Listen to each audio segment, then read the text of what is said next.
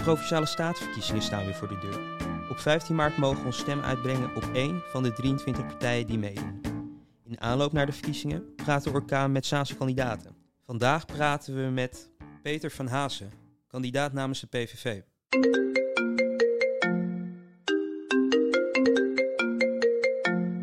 Kunt u binnen één minuut vertellen waarom u op de PVV moet stemmen en in het bijzonder op u? Onze vrijheid uh, en onze veiligheid en onze welvaart uh, staan uh, aardig onder, druk. onze energierekeningen reizen de pan uit. Boodschappen waren nog nooit zo duur. Er komt ook geen einde aan de asielstroom. En de gewone man en vrouw in Noord-Holland is er geen woning meer te krijgen. Nou, dat moet een keer stoppen. Het is tijd voor verandering, tijd voor de PVV.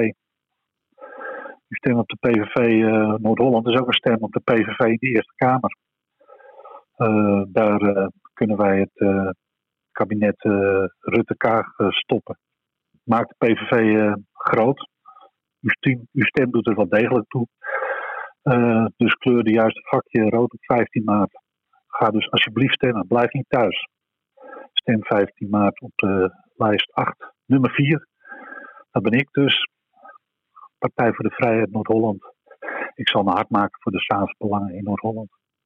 U heeft net al een beetje aangekaart, maar wat kunt u betekenen voor Zaankanters in het bijzonder? Nou, uh, we zien uh, uh, wat er. ik zit natuurlijk vier jaar in de raad. En ik heb gezien wat Amsterdam allemaal voor Amsterdam regelt in de provincie.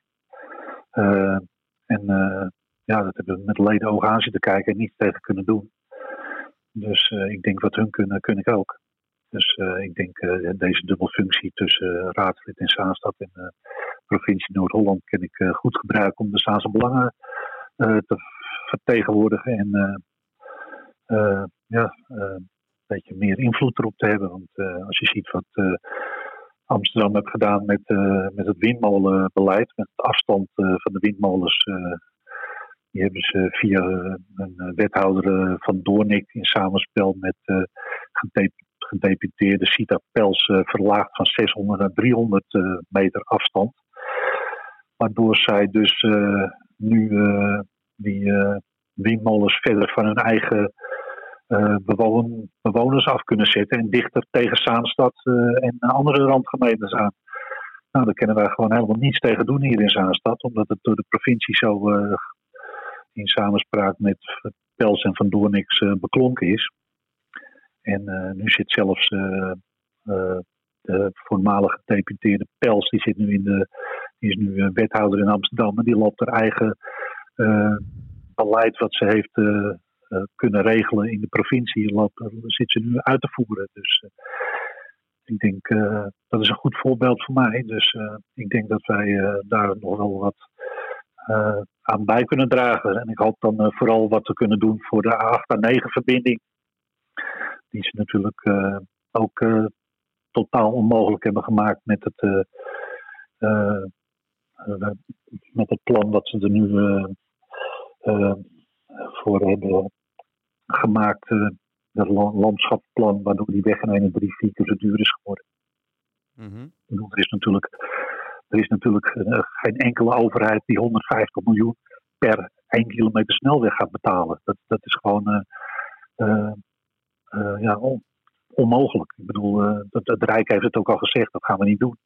ze hebben gewoon, GroenLinks is gewoon tegen die snelwegverbinding. En die heeft, die heeft dus een plan bedacht, omdat ze nu deze keer, vorige keer zo gepiekt hebben in de in de statenverkiezingen dachten ze van we gaan gelijk maar iets verzinnen dat we voor, altijd van die uh, A8 en 9 verbinding af zijn.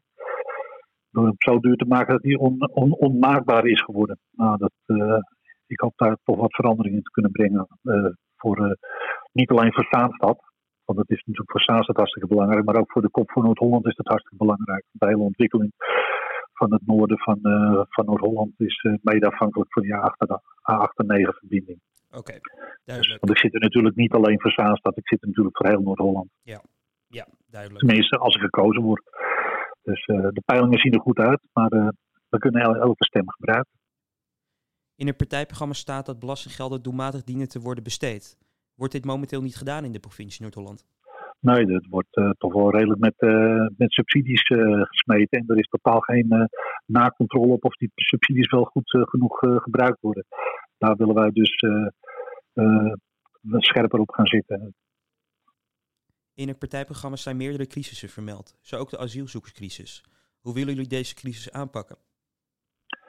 Nou, in ieder geval, uh, uh, ja, we moeten in ieder geval natuurlijk verpleiten dat, uh, dat er eindelijk eens een stop komt op die asielopvang. En ja, dat, maar dan moet je toch eerst de grenzen sluiten. Dus er zal toch een stevige lobby naar het Rijk nodig zijn om dat te stoppen.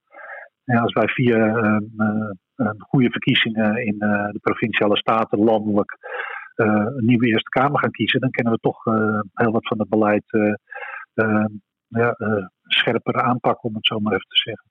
Mhm. Want het, is voor, het is voor ons ook duidelijk gewoon. Uh, het zijn ook een opmaat naar de Eerste Kamerverkiezingen. Dat is gewoon nu hartstikke belangrijk. De huidige coalitie aangevuld met GroenLinks en de, en, de Partij van de Arbeid zit, heeft nu nog net een meerderheid. als die samen gaan werken in een nieuwe Eerste Kamer. Nou ja, dus ons doel is dat natuurlijk om ze onder de, onder de 38 zetels te krijgen. Mhm. Eh, zodat ze die meerderheid niet meer hebben, zodat uh, Rutte toch ook uh, op rechts steun moet zoeken voor zijn beleid. En ja, die, die weg ligt dan open. Dus vandaar dat het voor ons ook gewoon van cruciaal belang is dat we groot worden in de provincies, zodat we een, een, een nieuwe Eerste Kamer kunnen kiezen die ons beter gezind is op het vluchtelingenbeleid. Mm uh, maar gezien de gespannen arbeidsmarkt kan de toestroom van potentieel nieuwe arbeidskrachten dit gat toch opvullen? Nou, kijk, het is. Uh, uh, als, als, je de cijfers van het CBS bekijkt, dan, dan blijkt dus dat 81% van de Somaliërs die sinds 2015 zijn binnengekomen niet werkt. Die zitten allemaal in een uitkering. 65% van de Syriërs werkt niet. En als je naar arbeidsmigranten kijkt, uh, uh, westelijke arbeidsmigranten, bijvoorbeeld uit Polen, is maar 1% die niet werkt. Dus als je dan je oplossing gaat zoeken in arbeidskrachten, dan moet je dat niet in asielzoekers doen. Maar dan zal je genoodzaakt zijn om, om westerse arbeidsmigranten aan te trekken en niet asielzoekers. En die westerse arbeidsmigranten die, heeft ook niet onze voorkeur, want we zouden lief zijn als onze eigen werkelozen aan het werk gaan.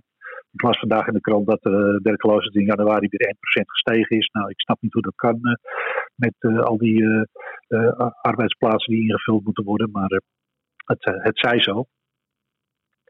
En ja, het schept gewoon grote problemen, ook de arbeidsmigranten. Ik bedoel, als je ziet wat voor problemen er zijn in, in West-Friesland met met de huisvesting van arbeidsmigranten. Als je ziet hoe het eh, hier in Zaanstad is met de huisvesting van arbeidsmigranten. Het is echt gewoon uh, schrikbarend. Ik ben hier in Poelenburg, ben ik wel eens wezen kijken. Waarin uh, in een 60 vierkante meter woning zes arbeidsmigranten samenwoonden. in een verkamerde woning met zes verschillende nationaliteiten. Daar sliep een vrouw uit, uit de Oekraïne toevallig. Die sliep in de keuken op een opklapbedje. En als s'avonds de andere arbeiders uh, zeg maar, thuis kwamen uit een avonddienst, dan moesten ze over haar bed heen stappen om een, om een eitje te bakken. Het is echt gewoon ronduit beschamend. Maar mm ja, het is gewoon niet anders. Okay. En uh, daar zal toch een andere oplossing voor gezocht moeten worden. Om aan de energievraag te kunnen voldoen, stellen jullie dat er onder andere moet worden ingezet op kernenergie. Gaat het niet veel te lang duren, aangezien het bouwen van een centrale minstens tien jaar duurt? Ja, maar daar moet je nu, nu beginnen.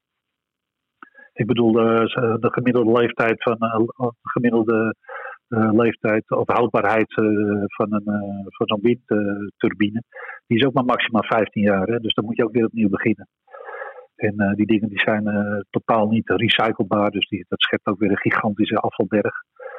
Dus ja, je moet gewoon zo snel mogelijk beginnen met knopen doorhakken om, om een kerncentrale te bouwen. Ik bedoel, je kan moeilijk iedere vierkante meter vol zetten met een met, met zo'n windmolen. Eh, want als de wind gaat liggen, dan heb je niks, hè.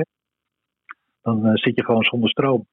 En uh, het, het, is zelfs zo dat wind, windturbines en zonnepanelen hebben voorrang op het elektriciteitsnet.